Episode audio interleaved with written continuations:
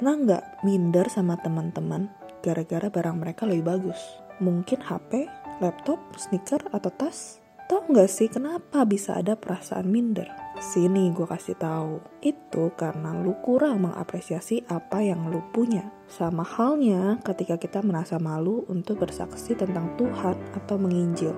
Setuju nggak sih? Kayaknya susah banget.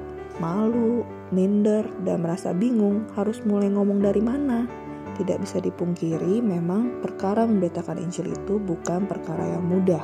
Di Alkitab pun, Rasul Paulus memberi nasihat ke Timotius di 2 Timotius pasal 1 ayat 8. Jadi janganlah malu bersaksi tentang Tuhan kita. Dan janganlah malu karena aku seorang hukuman karena dia. Melainkan ikutlah menderita bagi Injilnya oleh kekuatan Allah. Paulus dalam ministrinya pernah ditinggalkan temannya. Pernah nggak dikubris orang bahkan pernah dipenjara. Menginjil memang bukan perkara yang mudah, bahkan cenderung menderita. Karena itu, dia menasihati Timotius agar ia tidak malu bersaksi tentang Tuhan.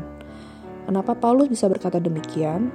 Karena Rasul Paulus memiliki apresiasi yang dalam terhadap Kristus yang telah mati untuk menyelamatkan dia. Rasul Paulus tahu benar betapa mustikanya keselamatan kekal yang sudah dia peroleh kalau kita lihat sekitar kita, nggak sedikit orang yang belum mengenal Tuhan Yesus. Mungkin anggota keluarga kita, teman sekolah, atau teman main kita. Tapi selalu ada rasa takut untuk membicarakan Tuhan. Inilah tanda kita kurang mengapresiasi keselamatan kekal yang kita miliki.